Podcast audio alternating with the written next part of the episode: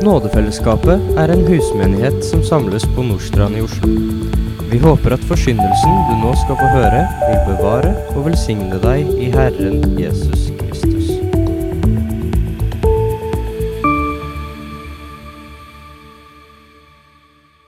Vi leser fra Matteus 7, vers 15 og til 20. Vokt dere for de falske profetene. De kommer til dere i fåreham, men innvendig er de glupende ulver. På fruktene skal dere kjenne dem. Sanker en vel druer av tornebusker, eller fiken av tistler? Slik bærer hvert godt tre god frukt. Men et dårlig tre bærer dårlig frukt.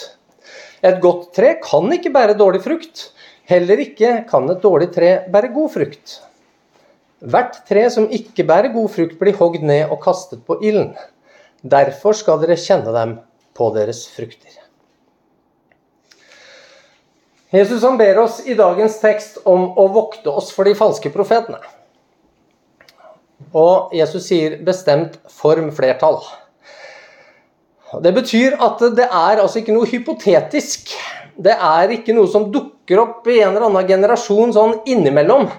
Eh, og det er altså ikke noe som du kan forvente å slippe å møte. Snarere tvert imot.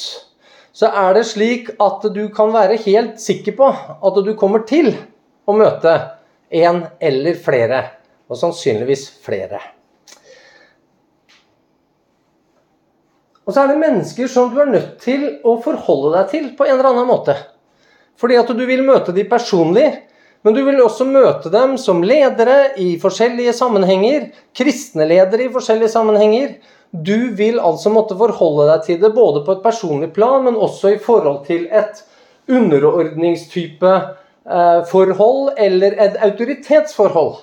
Som du er nødt til å bestemme hva gjør jeg i forhold til det. I Johannes han skriver i sitt første brev i kapittel 4 at mange falske profeter har gått ut i verden. Og Jeg vet ikke hvordan du har tenkt om dette her, men Jesus han bruker ofte dette skillet hvor han snakker om de mange. Og hva er det andre han snakker om? Han snakker om få. Så kontrasten til mange er ofte de få. Og hvis det er altså mange falske profeter som har gått ut i verden, så kan vi ofte da anta at det er få sanne profeter som har gått ut i verden.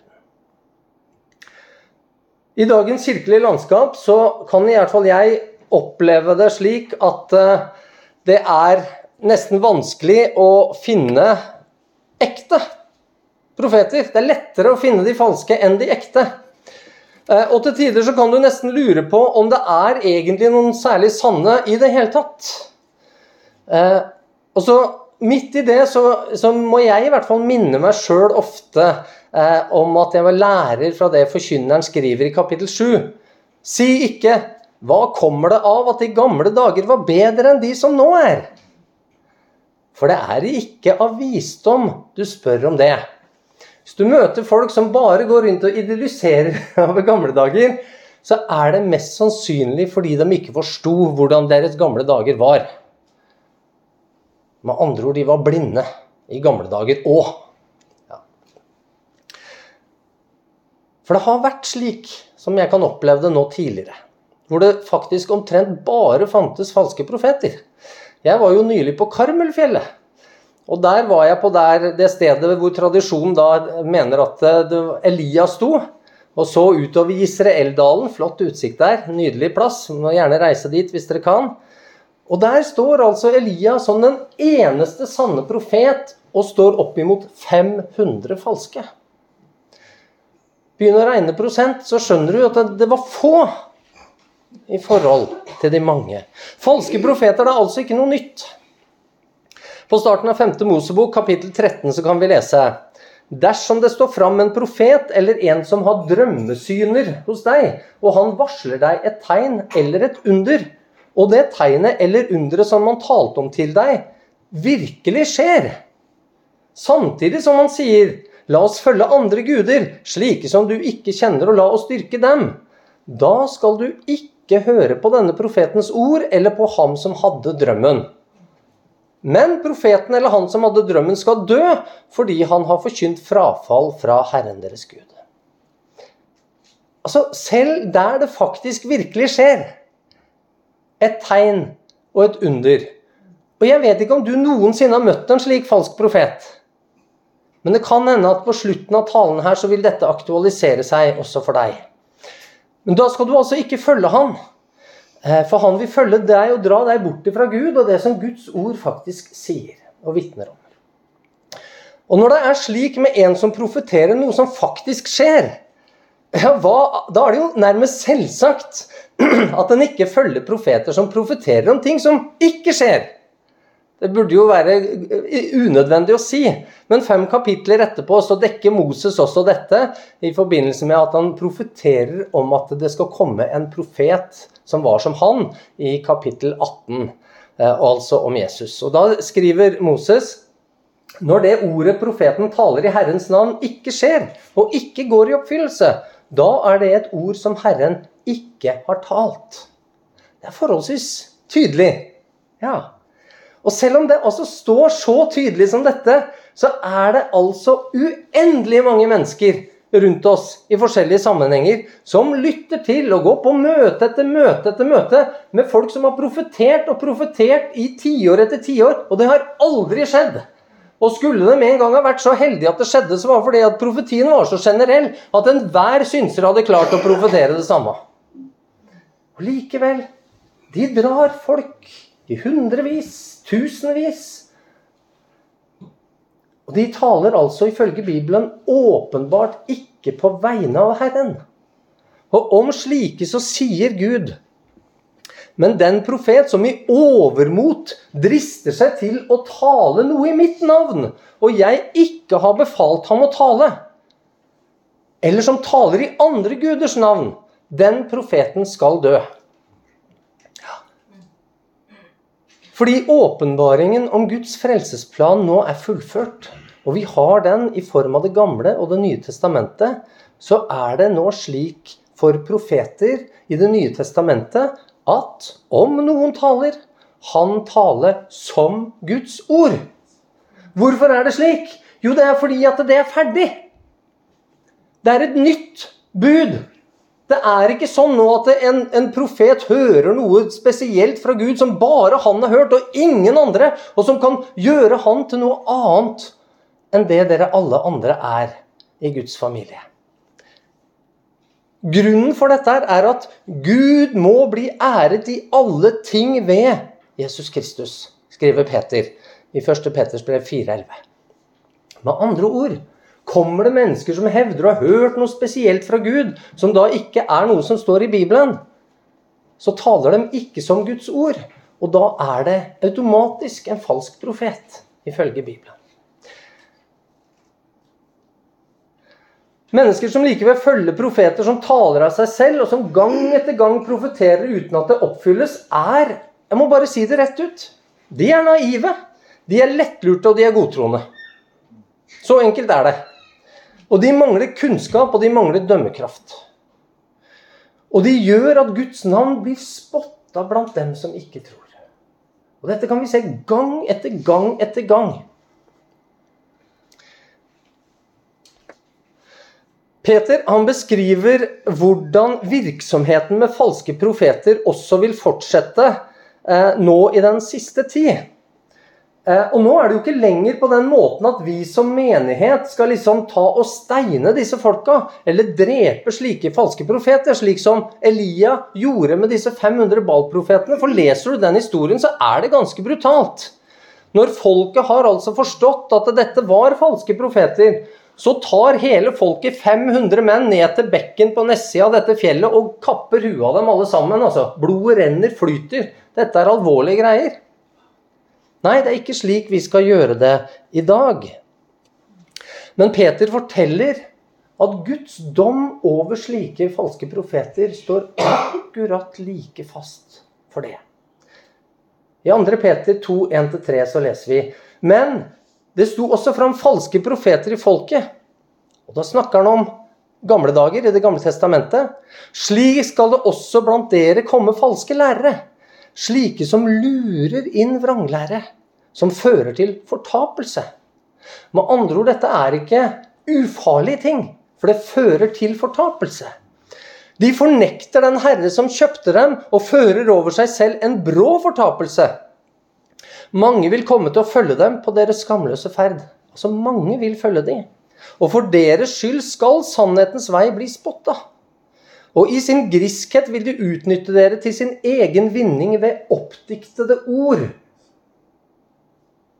Men fra gammel tid er ikke dommen over dem uvirksom, og deres fortapelse sover ikke. Det er litt godt å vite når du kan kjenne på frustrasjon over all den falskhet som blir produsert i Jesu navn. Hva som undervises, venner, er viktig. Hvem du låner øret ditt til, er livsviktig, fordi de som lurer inn vranglære, det fører til fortapelse. Du må altså aldri lytte til kristne som hevder at ting som Guds ord snakker om, ikke er så farlig eller ikke er så viktig. For Bibelens eget vitnesbyrd er at alt Guds ord er nyttig til opptuktelse og rettferdiggjørelse og frelse osv. Så, videre, og så, videre. så det er Guds eget ord. Og vi vet det, at Gud han har jo ikke putta noe i sitt ord som var uviktig. Johannes han skriver om Jesus at 'jeg kunne skrevet bøker på bøker på bøker på bøker'. på bøker. Sant? For å fortelle alt Jesus gjorde. Det, det, det, altså, Gud kunne tatt med uendelig mye mer. Men han har tatt med det han har tatt med, fordi det er viktig.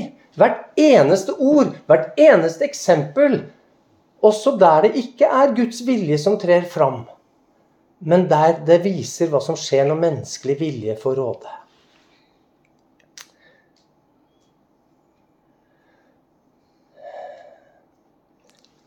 Så du må altså aldri lytte til mennesker som sier at ting som står i Guds ord, ikke er viktig, med mindre du selv anser fortapelse som ikke så viktig. Likevel så er det altså mange som vil følge dem, og den sanne vei vil bli spotta. Ikke bare fra de som ikke tror. Ofte vil faktisk den største spotten mot sannhetens vei komme fra mennesker som kaller seg kristne. Det var det Jesus opplevde selv. Hvis du vil oppleve det, så skal du ikke bli overraska over det. Det burde være unødvendig å peke på at mange som kaller seg kristne i vår tid, lever et liv som Bibelen her vil definere som skamløs ferd. Hva er skamløs ferd, da?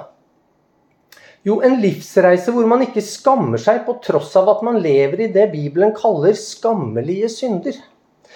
Eller man er en som holder med eller heier på de som lever i skammelige synder. Romerne 1 forteller om slike, og om hvordan Gud overlater de som forlater sannhetens vei, til skammens vei. Og Skammelige synder er nemlig spesielt knyttet opp imot en bestemt ting, nemlig seksuelle synder. Og Dette ser vi helt fra begynnelsen, der Adam og Eva med en gang de har synda, hva er det de gjør? Jo, de begynner å skamme seg over sin seksualitet, over sin nakenhet. Og så kan vi lese om nesten akkurat det samme som i Romerne 1 hos Jeremia i kapittel 13, vers 26 og 27. Og Der er det igjen Guds straffedom over et folk som har forlatt han, og Gud sier Jeg skal selv løfte slepet opp over ansiktet på deg, så din skam blir synlig. Med andre ord, hva er det han gjør? Jo, Gud begynner å gjøre det på en måte slik at de blir blotta. Altså kroppen deres blir avdekket. Eh, og så står det Hva er det da som skjer da når dette skjer, når kropper blir blotta? Jo, det vet vi i vårt samfunn. Det er bare å dra litt alkohol innabords, så folk begynner å blotte seg. Hva er det som skjer? Jo, det skjer akkurat det som står her. Ditt ekteskapsbrudd. Din vrinsking, altså voldsom kåthet, kan vi godt kalle det på godt norsk. Og din skammelige utukt. Altså Med andre ord, folk lever i hor på haugene og ute på marken. Så dette skjer altså med andre ord overalt. Det skjedde ikke bare inne i husa, men det skjer overalt. Så jeg den styggedom du drev med. David han skriver slik i Salme 19 og vers 13 og 14.: Hvem merker vel alle sine feiltrinn? Ja, jeg gjør det ikke. Tilgi meg hver ubevisst synd. Hva er det dette viser? Vi skal komme tilbake igjen til det, men det viser én ting veldig klart. Det er et ønske om hellighet. Det er et ønske om å leve hellig slik Gud er hellig. Men så legger han altså til noe som er spesielt viktig i denne sammenheng. Bevar også din tjener fra skammelige synder. La dem ikke herske over meg. Så blir jeg uklanderlig og uten skyld i store overtredelser. Merk deg hva David sier her. Det er noe med skammelige synder, med seksuell synd, som er spesielt. Hvorfor det? Jo, fordi de så veldig lett begynner å herske over oss. Fordi de er knytta til det relasjonelle, til det intime. Til det som ikke er så lett å bare gå unna. Til det som er knytta til våre sterkeste følelser. Og hvis du ikke har sterke følelser knytta til det, så bør du virkelig passe på. For det betyr at det hjertet ditt begynner å bli ganske så hardt.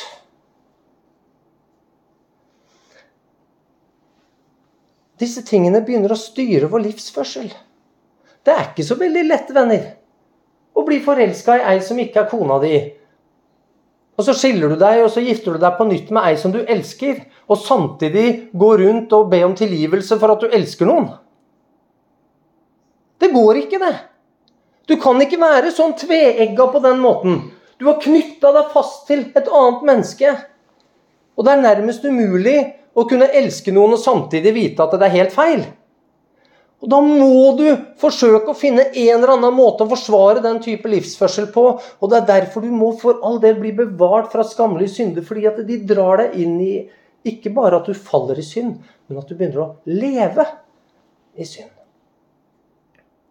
Falske profeter de vil være med å få deg inn på skammens vei. I en skammelig livsførsel. Der dette er greit. Og så sier altså David at dersom vi unngår slik skyld, synd, så blir vi uten skyld i store overtredelser. Hva, hva, sier det om den type synd? Jo, det sier at det er ikke som all annen synd. Det er masse andre ting, vers vi kunne pekt på som vitner om det samme. Vi har derimot et kirkelandskap som er fullt av mennesker som hevder at det er greit å leve i skamlig synd. Enten heterofilt eller homofilt som velsigner det, og som ekter det. Eh, og som Gud beskriver altså som skammelig utukt. Og hele det norske kirkelandskapet har falske profeter på dette i form av diakoner, prester, pastorer, forstandere, forsamlingsledere, proster og biskoper. De er overalt. Som leder mennesker inn i skamløs ferd og velsigner dem på ferden. Om du lytter til dette og er i slike sammenhenger, så ber jeg deg om å komme deg ut av det før du blir delaktig i dens gjerninger. I stedet for å ta avstand fra slike, så inviterer såkalt konservative misjonsledere og forsamlinger slike til sine podkaster og sine sammenhenger. De kan gjerne tale der. Ansatte kan tydeligvis gå fra den ene leiren til den andre leiren. Ja, til og med toppledere kan gå fra den ene toppjobben i den ene organisasjonen til den andre organisasjonen. Og de kan tilsynelatende være lojale begge plasser. Og ingen synes å tenke noe mer på det. Hvem er du lojal til da, egentlig? Du trenger heller ikke å kjenne mye til det moderne kristne landskapet før du ser det profetiske, det Peter skriver om mengder av mennesker som lar seg utnytte av mammonplaprere. Slike som med oppdiktede ord kan bygge seg palasser av noen hus og reise rundt i private jetfly og skryte av hvor fine biler de har, som de i anførsel er gitt av Gud. Også i Norge så har vi slike. Og de er akkurat like griske som de folka i utlandet. Det er bare at vi har litt mindre forhold her, sånn at palassene blir ikke like prangende, og bilene blir kanskje ikke like fine eller like mange, og det er kanskje ikke så mange jetfly heller. Men hjertelaget er akkurat det samme. For en del år siden så leste jeg Didache. Eh, og det er, eh, for den som ikke kjenner til det skriftet, det er et av de aller tidligste kirkeordningsskrift som på en måte handler om apostlenes lære om hvordan han skal drive kirke. Da, kan du si. Det det er fylt av mye praktiske råd der. Og Dette skriftet er fra tidlig 100-tallet etter Kristus. og Der står det litt om falske profeter, eller det de kaller Kristemporos. Eller som vi kan oversette med som Kristuskjøpmenn. Kristuskjøpmenn. Slike som altså bruker Kristus for å tjene seg selv. Et par av de praktiske rådene som denne læren gir, er at en sann profet ikke vil bli værende som gjest i et hus f.eks. noe mer enn to dager. Eh, det er fordi at han ville være altfor opptatt med sitt kall og sitt arbeid til å bli der noe lenger enn det. En falsk profet vil derimot gjerne kunne leve på sitt vertskap så lenge som mulig, siden han egentlig ikke har noe arbeid å gå til. Det andre kjennetegnet var at en sann profet bare ville be om brød og vann. Og ingenting mer. Bare det nødvendige for å holde han gående i det kallet han hadde. En falsk profet ville derimot ikke bare spørre etter, men vil gjerne også kunne kreve å få penger. Dette syns jeg har vært viktig selv. Jeg har altså aldri krevd penger av å reise noen plass for å forkynne Guds ord. Enten jeg har vært i USA, eller i Finland, eller i Sverige eller i Norge. Jeg har alltid betalt for det selv med mitt eget arbeid. Ingen skulle komme og si at jeg gjør dette fordi jeg vil ha penger. En annen test det var rundt livsstil. En som ikke levde etter den standard han underviste, var jo åpenbart ikke en mann sendt av Gud. Og den evne til tilgivelse som jeg ser i en del kretser mot slike ledere. Hadde vi nå vært så gode mot hverandre? Og du verden hvor flott vi kunne hatt det sammen!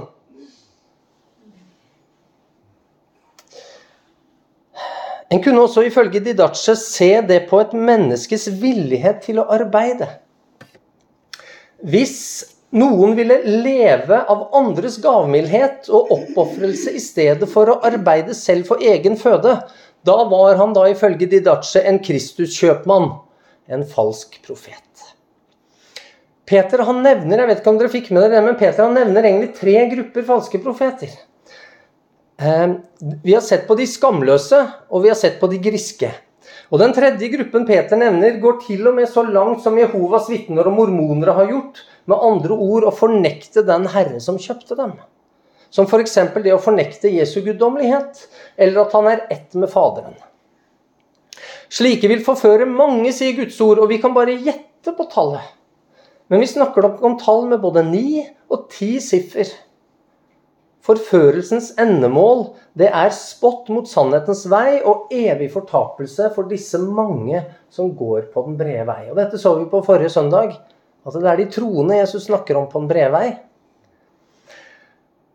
Og alt dette er altså resultatet av falske profeter som kommer i mitt navn. Altså som kommer i Jesu navn.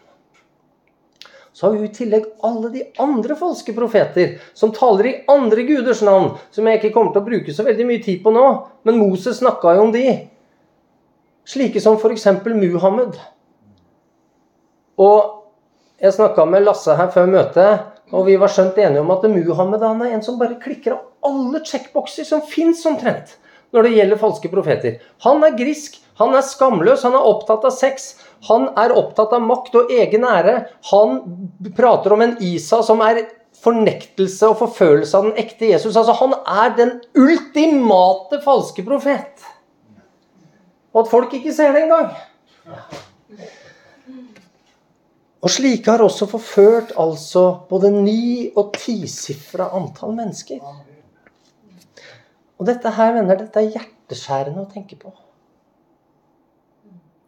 så skriver altså Peter Men fra gammel tid er ikke dommen over dem uvirksom. Og deres fortapelse sover ikke. Gud, han vil dømme dem. Og Moseloven sa at det var dødsstraff. Men Muhammed er død, tenker du.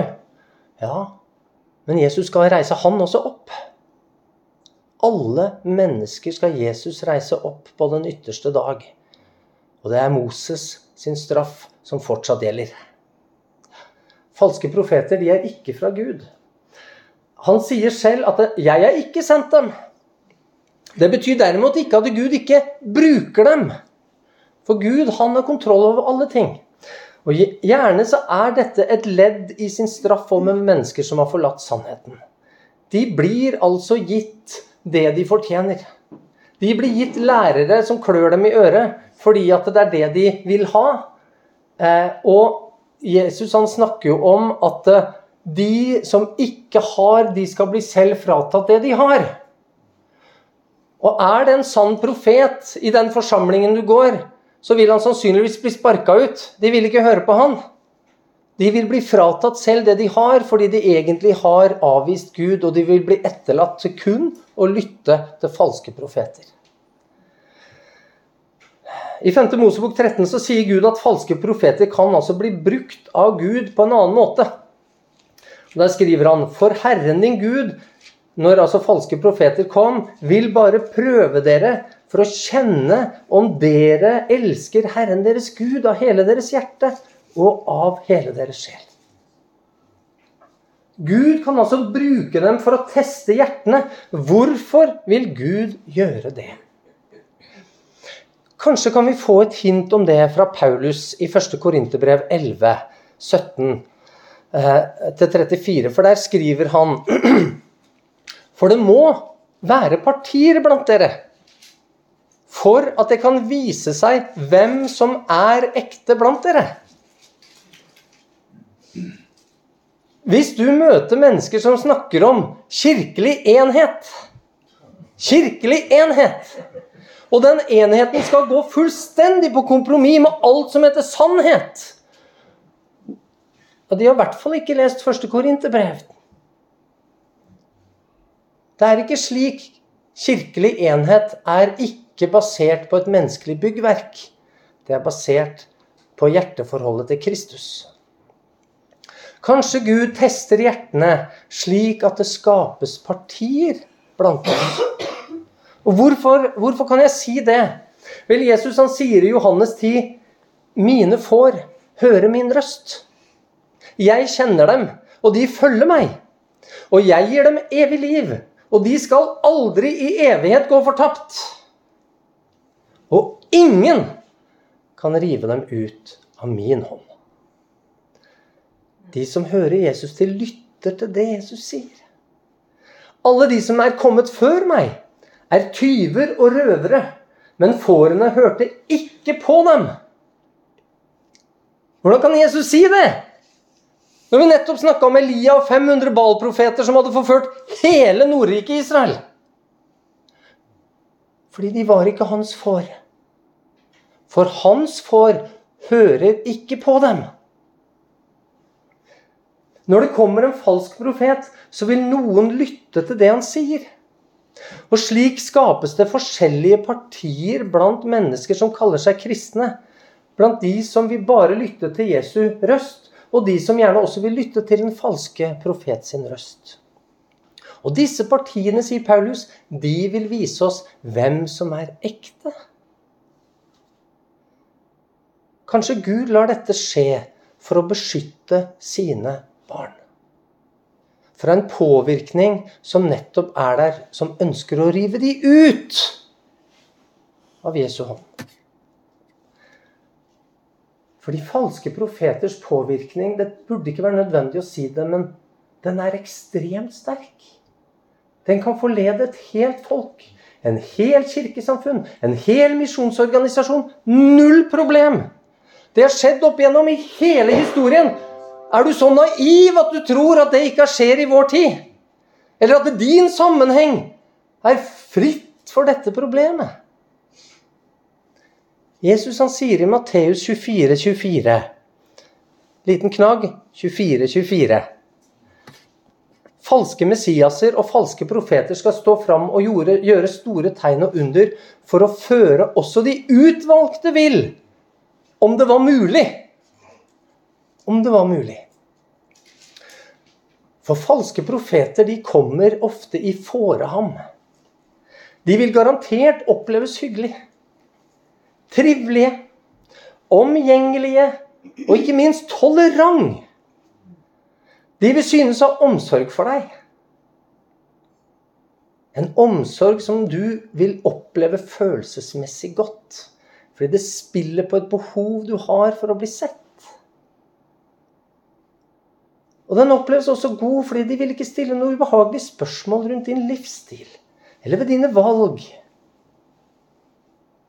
De vil ikke sette deg i posisjoner som vil gjøre livet ditt mer ukomfortabelt eller utfordrende. Og det er den enkleste omsorgen å gi, for den ikke krever at giveren har noen reell omsorg for den han snakker med. Så smilende og positive kan de være. Og derfor så er de så lett å være sammen med. Og de kan alltid være smilende og positive, fordi de krever ingenting av seg selv. Og heller ikke noe av deg annet enn å bli møtt med samme romslighet tilbake som du er blitt møtt med av de. Og Det gjelder både læremessig og moralsk. De vil bare ha et smil og noen gode ord tilbake for å få bekreftet sitt eget ståsted. Og noen vil gjerne ha litt penger også, som gjerne blir gitt dem fordi de er jo så hyggelige. Ja. Og midt i denne idyllen er det Jesus avslører dem for det de egentlig er, nemlig glupske ulver. Det finnes nemlig ingen omtanke for menneskers evige liv hos disse. Ingen sann kjærlighet som ønsker å bevare deg i Jesu hånd. Og gir du dem makt, så vil det ikke koste dem noe å utnytte den flokken som de er blitt satt over. For alt det de er verdt. Eh, skulle det bli noe motstand, eller skulle du driste deg til å prøve å formane dem? Altså Du var så bibelsk at du formante slik Bibelen ber alle også om å formane hverandre, oppmuntre hverandre osv. Skulle du være så dristig å gjøre det Bibelen sier, da vil vedkommende gjerne rive flokken i fillebiter. Alt for å bevare sin egen makt sin egen posisjon. Om de hevder å stå på bibelsk grunn, kan de likevel godt lyve ondt om deg bak din rygg, og de kan anklage deg for vranglære, men de ønsker aldri å stå til ansvar for sine påstander som fremmes mot deg. Og samtale om hva Bibelen faktisk underviser, vil de aldri være interessert i om de har den minste mistanke om at du har litt greie på det du snakker om. Fordi da kan det veldig fort hende at de vil tape den debatten i lys av Guds ord. Og På bakrommet så kan de være sinte og manipulerende og samtidig smile utad og fortelle om hvor høyt Jesus elsker alle mennesker. Veldig mye kjærlighet hos disse. I hvert fall i munnen. Noen vil indirekte påstå at Jesus må elske dem selv da, spesielt høyt ved å peke på alle de åndelige gaver og syner og åpenbaringer som de hevder å ha fått, samt all sin materielle velstand. De vil altså skryte av seg selv og det de mener å ha fått. Og det er helt motsatt av det Paulus sier. Paulus han sier jeg, jeg gjør absolutt ikke det for at ingen skal få noe høyere tanker om meg enn det de får bare ved å møte meg i mitt eget svake kjød.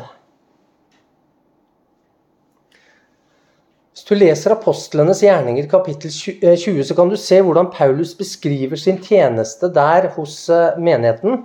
Og lær av det hvordan en sann profet oppfører seg. Paulus han vet derimot også om falske profeter og sier dette til de eldste da i sin avskjedstale til menigheten i Efesos. Jeg vet at etter min bortgang skal det komme glupende ulver inn blant dere som ikke skåner jorden. Ja, blant dere selv skal det fremstå menn som fører falsk tale for å lokke disiplene etter seg. Altså Her har du menigheter som har hatt de beste prester. De, mest, de som har størst åpenbaring og hatt mest kunnskap om Bibelen. Og selv midt i den menigheten så vil det stå opp folk som vil føre deg til fortapelse. Slutt å være naiv, venner. Fins ingenting som er en sikker havn i den forstand. Du må være våken. Falske profeter kan kjennes igjen på at de vil ha ære selv. De vil ha disipler som følger etter seg, ikke disipler som følger etter Jesus og gir han æren. Vi så på tre typer falske profeter hos Peter. De skamløse, de griske og de som fornekter sin herre. Og Vi kan også snakke om tre læremessige typer falske profeter. Og Det er heretikeren. Et fint ord, men det er de som da åpent fornekter at Guds ord er Guds ord i alt den sier, og som lærer ting som er i konflikt med Bibelen. Eh, og så har du den frafalne. Det er den som tidligere trodde, men som har falt fra, og så forsøker han å få med seg alle andre i sitt fall, bort ifra Gud. Enten til ateisme eller en annen religion. Og den siste gruppen, det er forføreren. Det er den farligste av dem alle, og den som er vanskeligst å få øye på. For de gir inntrykk av å være sanne troende. Men de lurer inn altså denne vranglæren som fører til fortapelse. Og I teksten vår i dag så gir Jesus oss tre måter å gjenkjenne falske profeter på. Så vi har altså i dag i talen tre falske profeter i forhold til det Peter snakker om. Vi har disse tre forskjellige læremessige typene, og nå skal vi finne tre måter å gjenkjenne dem på som Jesus snakker om i dagens tekst. Og Den første kan virke litt forvirrende for deg, kanskje. Fordi Jesus sier at vi ikke skal se druer på tornebusker og fiken på tistler.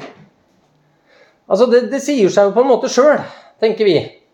Og så lurer vi på hva, hva meninga med et slikt bilde? Jo, det han mener, er at en del åpenbart falske profeter For en tornebusk er ganske lett å kjenne igjen, og en tistel også. Og du skal ikke komme i hvert fall nær de før du merker det veldig godt. Om, du blir, eh, avslørt på litt, om de ikke blir avslørt på litt avstand, så dets nærmere du kommer, og hvis dets nærmere du klemmer dem til deg, så vil du kjenne piggene, for å si det på den måten. Men det er altså en del falske profeter og falske institusjoner som vil tiltrekke seg sanne, troende mennesker. Og disse gode fruktene kan synes som et godt alibi for at her har vi å gjøre med en sann profet.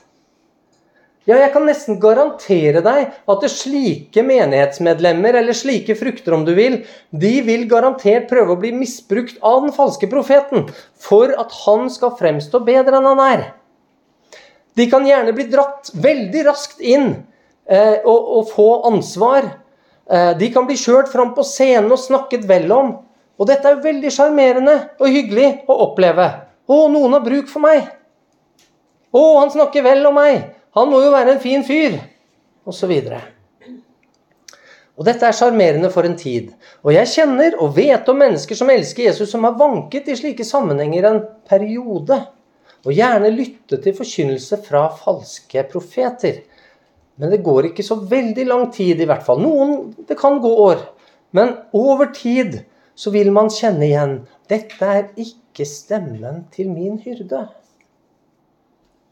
Og så forlater de den sammenhengen og slutter å høre på den forkynnelsen.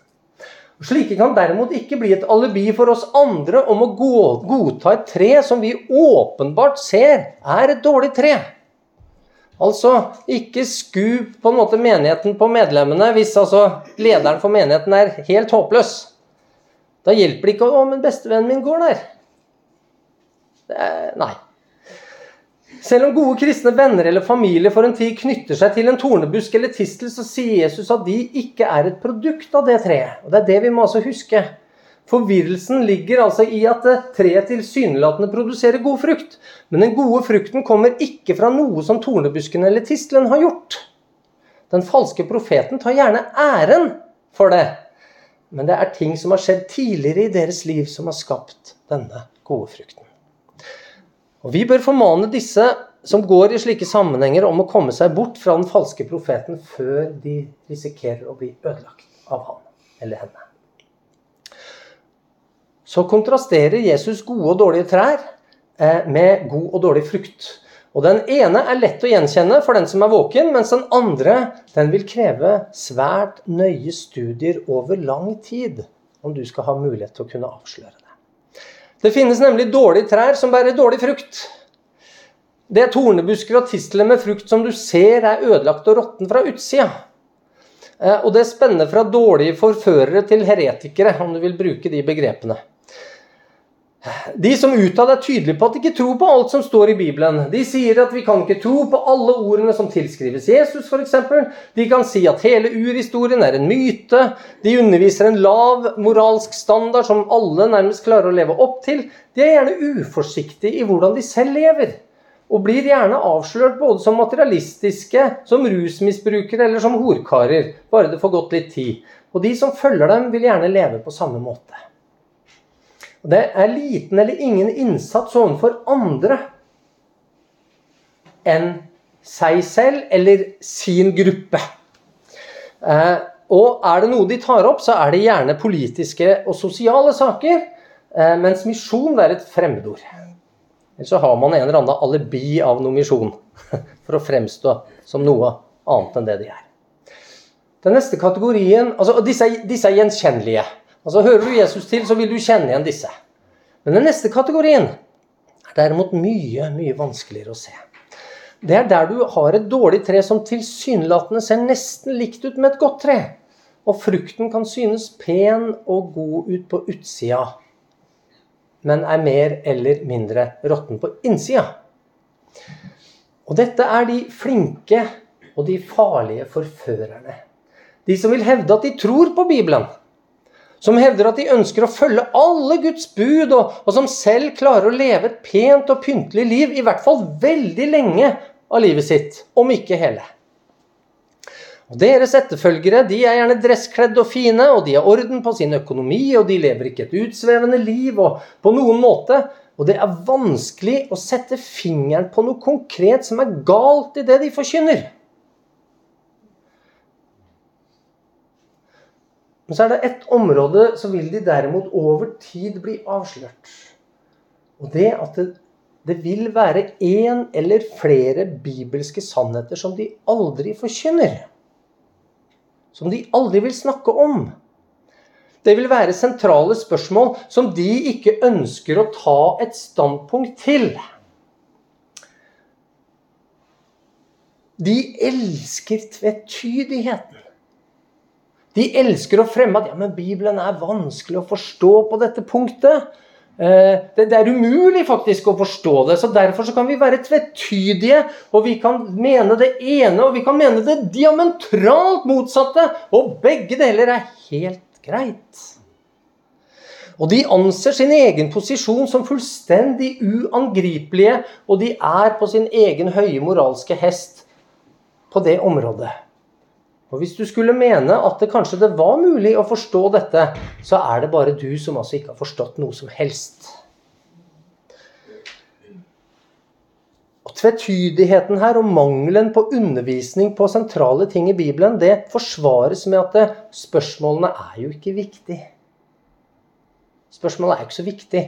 Så det har jo ikke noe å si at vi ikke tar opp det. Bare tro på Jesus. Bare, bare tro på Jesus. Dette her er ikke så viktig. De vil unngå da å ta opp temaer som gjør at denne fasaden kan slå sprekker. At partiene Paulus snakker om, kan dannes. Det vil de ikke. Så kan man bruke mange måter å snakke om hvorfor denne enheten er så viktig. Og, og, og nei, vi må ikke ta opp det, for det kan skape konflikt. Og konflikt er jo ikke bra, osv. osv. Og over tid i slike menigheter så vil det skapes mangelsykdommer. Eh, og den falske profeten vil også sakte, sakte, veldig sakte komme verden i møte. Både i form og i moral. Men, men det gjøres så rolig. Det, det, det, gjøres så kontrollert. Vi har jo snakket om dette, vi har åpna opp for diskusjoner, vi har vært demokratiske. Det gjøres så korrekt over tid, slik at ingen reagerer. Og frukten den blir sakte, men sikkert ødelagt fra innsiden. Samtidig så vil en forfører staut stå fast på at han tror på hele Bibelen. Ja, dette er et punkt som faktisk jeg mener vil avsløre nettopp slike, for de har et behov for å påpeke dette stadig vekk. Før de skal undervise jeg har og hørt på sånne, før de skal undervise om noe som åpenbart ikke stemmer med det Bibelen faktisk lærer, så kommer det en glødende forsvarstale om hvor fantastisk Bibelen er, og hvordan de tror på alt som står der. Hvis du virkelig sto der, hvorfor trenger du å forsvare det da? Hvorfor trenger du å påpeke det gang etter gang? Hver eneste gang du skal si noen ting, så skal du altså overbevise de først om at 'jeg tror'. Så derfor så må du tro på alt det jeg nå sier som ikke stemmer med det Bibelen sier. Jeg vil at dere skal merke dere slike.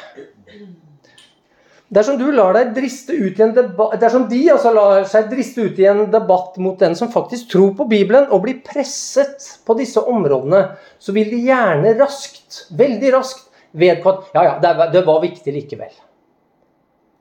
Men de har altså kanskje stått på en talerstol i 30-40 år og aldri snakka om det.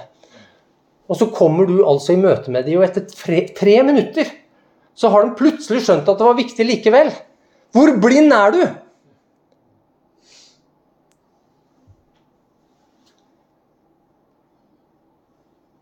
Men da hevdes det gjerne at tekstene enten de er så vanskelig å forstå eller tvetydige, eller noen drister seg til med å si at ja, men dette har blitt misforstått tidligere. Selv om denne misforståelsen altså dreier seg om 2000 år med kirkehistorie. På et felt som de nettopp har erkjent er viktig. Og så har denne kirka altså i 2000 år lært, vært vranglærer på det feltet. Det er litt rart. Forføreren vil på dette punktet gjerne stenge for videre samtale. De vil hindre at temaet tas opp i forsamlingen. De vil hindre at deres egen lære og autoritet blir belyst, for lyset vil avsløre mørket. Og dersom de likevel ikke unngår videre utfordringer rundt temaene de har latt være å forkynne om, så vil det som regel alltid vise seg at de i praksis slett ikke tror på Bibelen og det Bibelen lærer. Men at de har andre kilder for sin lære. Og disse kildene blir gitt mye større autoritet enn det Bibelen blir gitt. Andre som i sannhet egentlig er herre i deres liv, og ved å peke på hva Bibelen faktisk sier, så blir de avslørt. Men de er ofte så smarte at de forsøker å unngå å sette seg selv i en slik posisjon som vil avsløre de. Da er altså beste måten å bare aldri ta det opp. Og aldri slippe til de som vil ta det opp. Og hvis det er noen som presser på for at det skal bli tatt opp, så blir du gjerne kasta ut. Spesielt denne siste gruppen falske profeter vil være hellig overbevist om at de har alt sitt i orden med Gud. Selv, og, og mange, Det vil gjelde mange disse andre gruppene også, men ikke like mye etter hvert som du, du har mennesker som åpenbart sier at Bibelen er tull.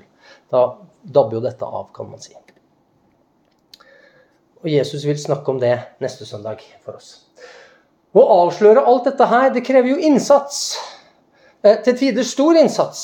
Og det krever visdom fra Herren og et hjerte som søker Han i alle ting, og som ber om å få altså visdom og bli bevart. Jesus sier altså 'vokt dere'. Det er aktiv handling, venner. Å vokte er å stå der med spyd i hånda og skue utover. Det er ikke en passiv ting. På samme måte som sann kristen kjærlighet alltid er aktiv, ja, den er proaktiv, som vi har snakka om her for noen uker siden, så er vokt dere en aktiv handling. Det er noe du må gjøre.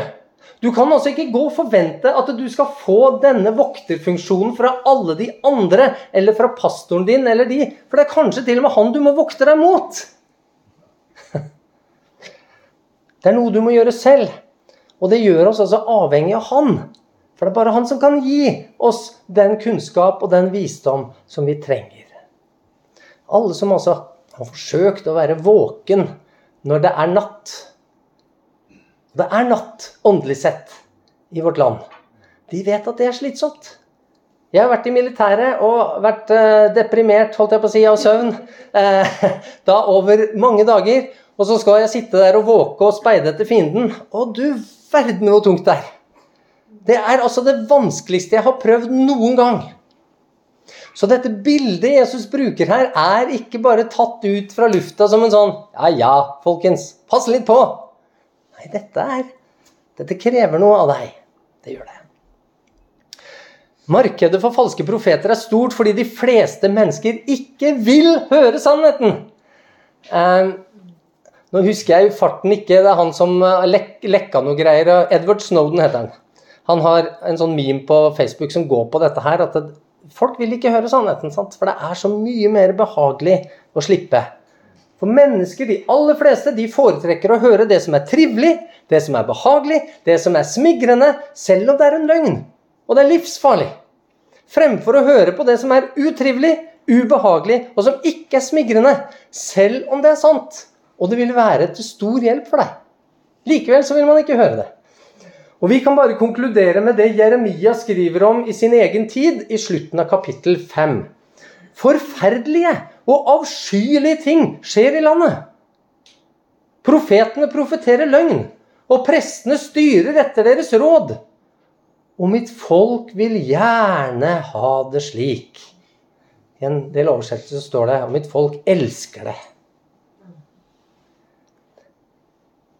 En sann kristen og et sant kristent fellesskap de vil derimot være opptatt av å bli hellig som Gud er hellig. Å bli stadig mer fullkommen, slik Jesus lærer oss å være. Og her ligger ekte omsorg både for de lærerne du har, og for de neste. Det handler ikke om en from fasade, men om at sannheten får råde både i livet og i all forkynnelsen. Hvis det er sann forkynnelse, så vil den få fasaden til å sprekke opp. Det er meninga at den skal sprekke opp. Den vil avsløre vår svakhet. Og likevel så er det der at Jesu navn blir æret. Der den blir herliggjort. Og hvis du syns det er litt ubehagelig om din sammenheng blir slik, så kan du vite det at Jesus han menga seg med en hel haug med disipler som var akkurat slik. Der hadde du noen tordensønner, og du hadde en Peter som svikta når det gjaldt. Og ikke minst, du hadde en Judas midt iblant de. Og alle svakhetene tøt fram i denne Jesu nære menighet. Og likevel så ble Jesus herliggjort mer av det enn av noe from fasade noensinne kan.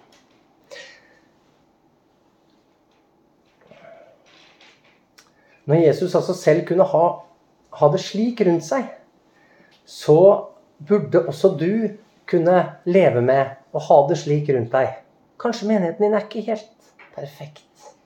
Kanskje fasaden ser litt rusten ut, og det er noen litt rare folk der. Og, og det er noen svake, merkelige mennesker der. Men blir Jesus æra der? Trenger vi han? Ønsker vi at vi blir hellige? Jeremian avslutter med å si Men hva vil dere gjøre, da? Dette folket som elsker løgnen, når enden på dette kommer. Altså enden på den falske profetenes tid kommer. Jo, Bibelen forteller hva som vil skje, over hele verden når verden forkaster Gud, på tross av at Jesu navn, den sanne profet og Messias, har påvirka hele verden. Det leser vi om i Zakaria 11, vers 16. Og der vil Gud av alle ting bruke en falsk profet, en dårlig hyrde, som motsatsen til den gode hyrde. Zakaria skriver, få se, altså det er Gud som taler, jeg lar en hyrde stå fram i landet, en som ikke ser til dem som er nær ved å omkomme, og ikke leter etter det som er kommet bort, og ikke leger det som har fått skade, og ikke sørger for det som holder seg oppe, men eter kjøttet av de fete og til og med river klovene av dem. Det høres merkelig nok ut som en ulv, ikke en hyrde. Den ultimate falske profet Vi snakka om Muhammed i stad, men det kommer faktisk en som overgår han. Som skal stå fram, og han har ingen omsorg for sauene. Men ved et stort tegn så skal han få global påvirkning. Og Åpenbaringen kapittel 13, 13,3 sier det slik Og all jorden undret seg og fulgte dyret. Fulgte etter dyret. Det skal altså komme en som hele jorden skal følge etter. Så stor kraft er de falske profeter. Jeg tror vi nærmer oss den tiden hvor denne ultimate profet skal tre fram. Og jeg tror grunnen for at verden vil ta imot ham, er fordi kirken er full. Misjonsorganisasjonene er forholdsvis fulle, kanskje ikke like fulle. Frikirkene er forholdsvis fulle i det hele tatt. Fulle av falske profeter som har beredt veien for ham. Som har gjort hans stier rette, og som har gjort hans veier jevne. For hvis det ikke var slike venner, så hadde ikke hele verden fulgt etter ham. Noen må ha kommet på lik linje med Johannes døperen og gjort hans veier rette. Til slutt. Jesus han svarer på hva som vil skje når enden kommer, både med falske profeter og deres frukt. Hvert tre som ikke bærer god frukt, blir hogd ned og kastet på ilden. De får altså sin dødsstraff, som Moses skrev, i form av ildsjøen, den andre død. Derfor, sier Jesus, så på grunn av denne enden, av det forferdelige som det representerer, skal dere kjenne dem på deres frukter. Jeg vet ikke hvordan du har forholdt deg til denne teksten før. Men Jesus sier du må kjenne dem, disse falske profetene, for at du skal unngå den dom som kommer over dem. Skjønner du? Du som ikke vil falle under den samme dom, må altså lære deg å skjelne mellom gode og dårlige trær og god og dårlig frukt. Og det gjør du kun på én måte. Det gjør du ved å følge den gode hyrden. Du elsker han. Og måten du elsker han på, er at du tror på alle hans ord og alle hans bud. Tre ganger snakker Jesus om den som elsker meg, holder mine bud, holder mine ord, holder alt det jeg har befalt dere, osv. osv. Da har du samfunn med sannheten. Og sannheten vil gi deg framgang. Den vil gi deg håp. Kjære Herre, vi takker deg for ordet ditt. Og så er det et alvorlig ord i dag. Eh, og så kan det være behagelig å slippe å tale om slike ord. Eh, og så skjønner vi likevel fra ditt 'derfor', Herre Jesus, at dette er viktig. Og jeg ber deg, Herre, om at dette derfor kan klinge i vår hjerne og i vårt sinn nå framover, slik at vi ikke glemmer viktigheten av å våke. Vi ber deg, Herre, om at du bevarer oss i din hånd slik du har lovt. Vi takker deg for det i Jesu navn. Amen.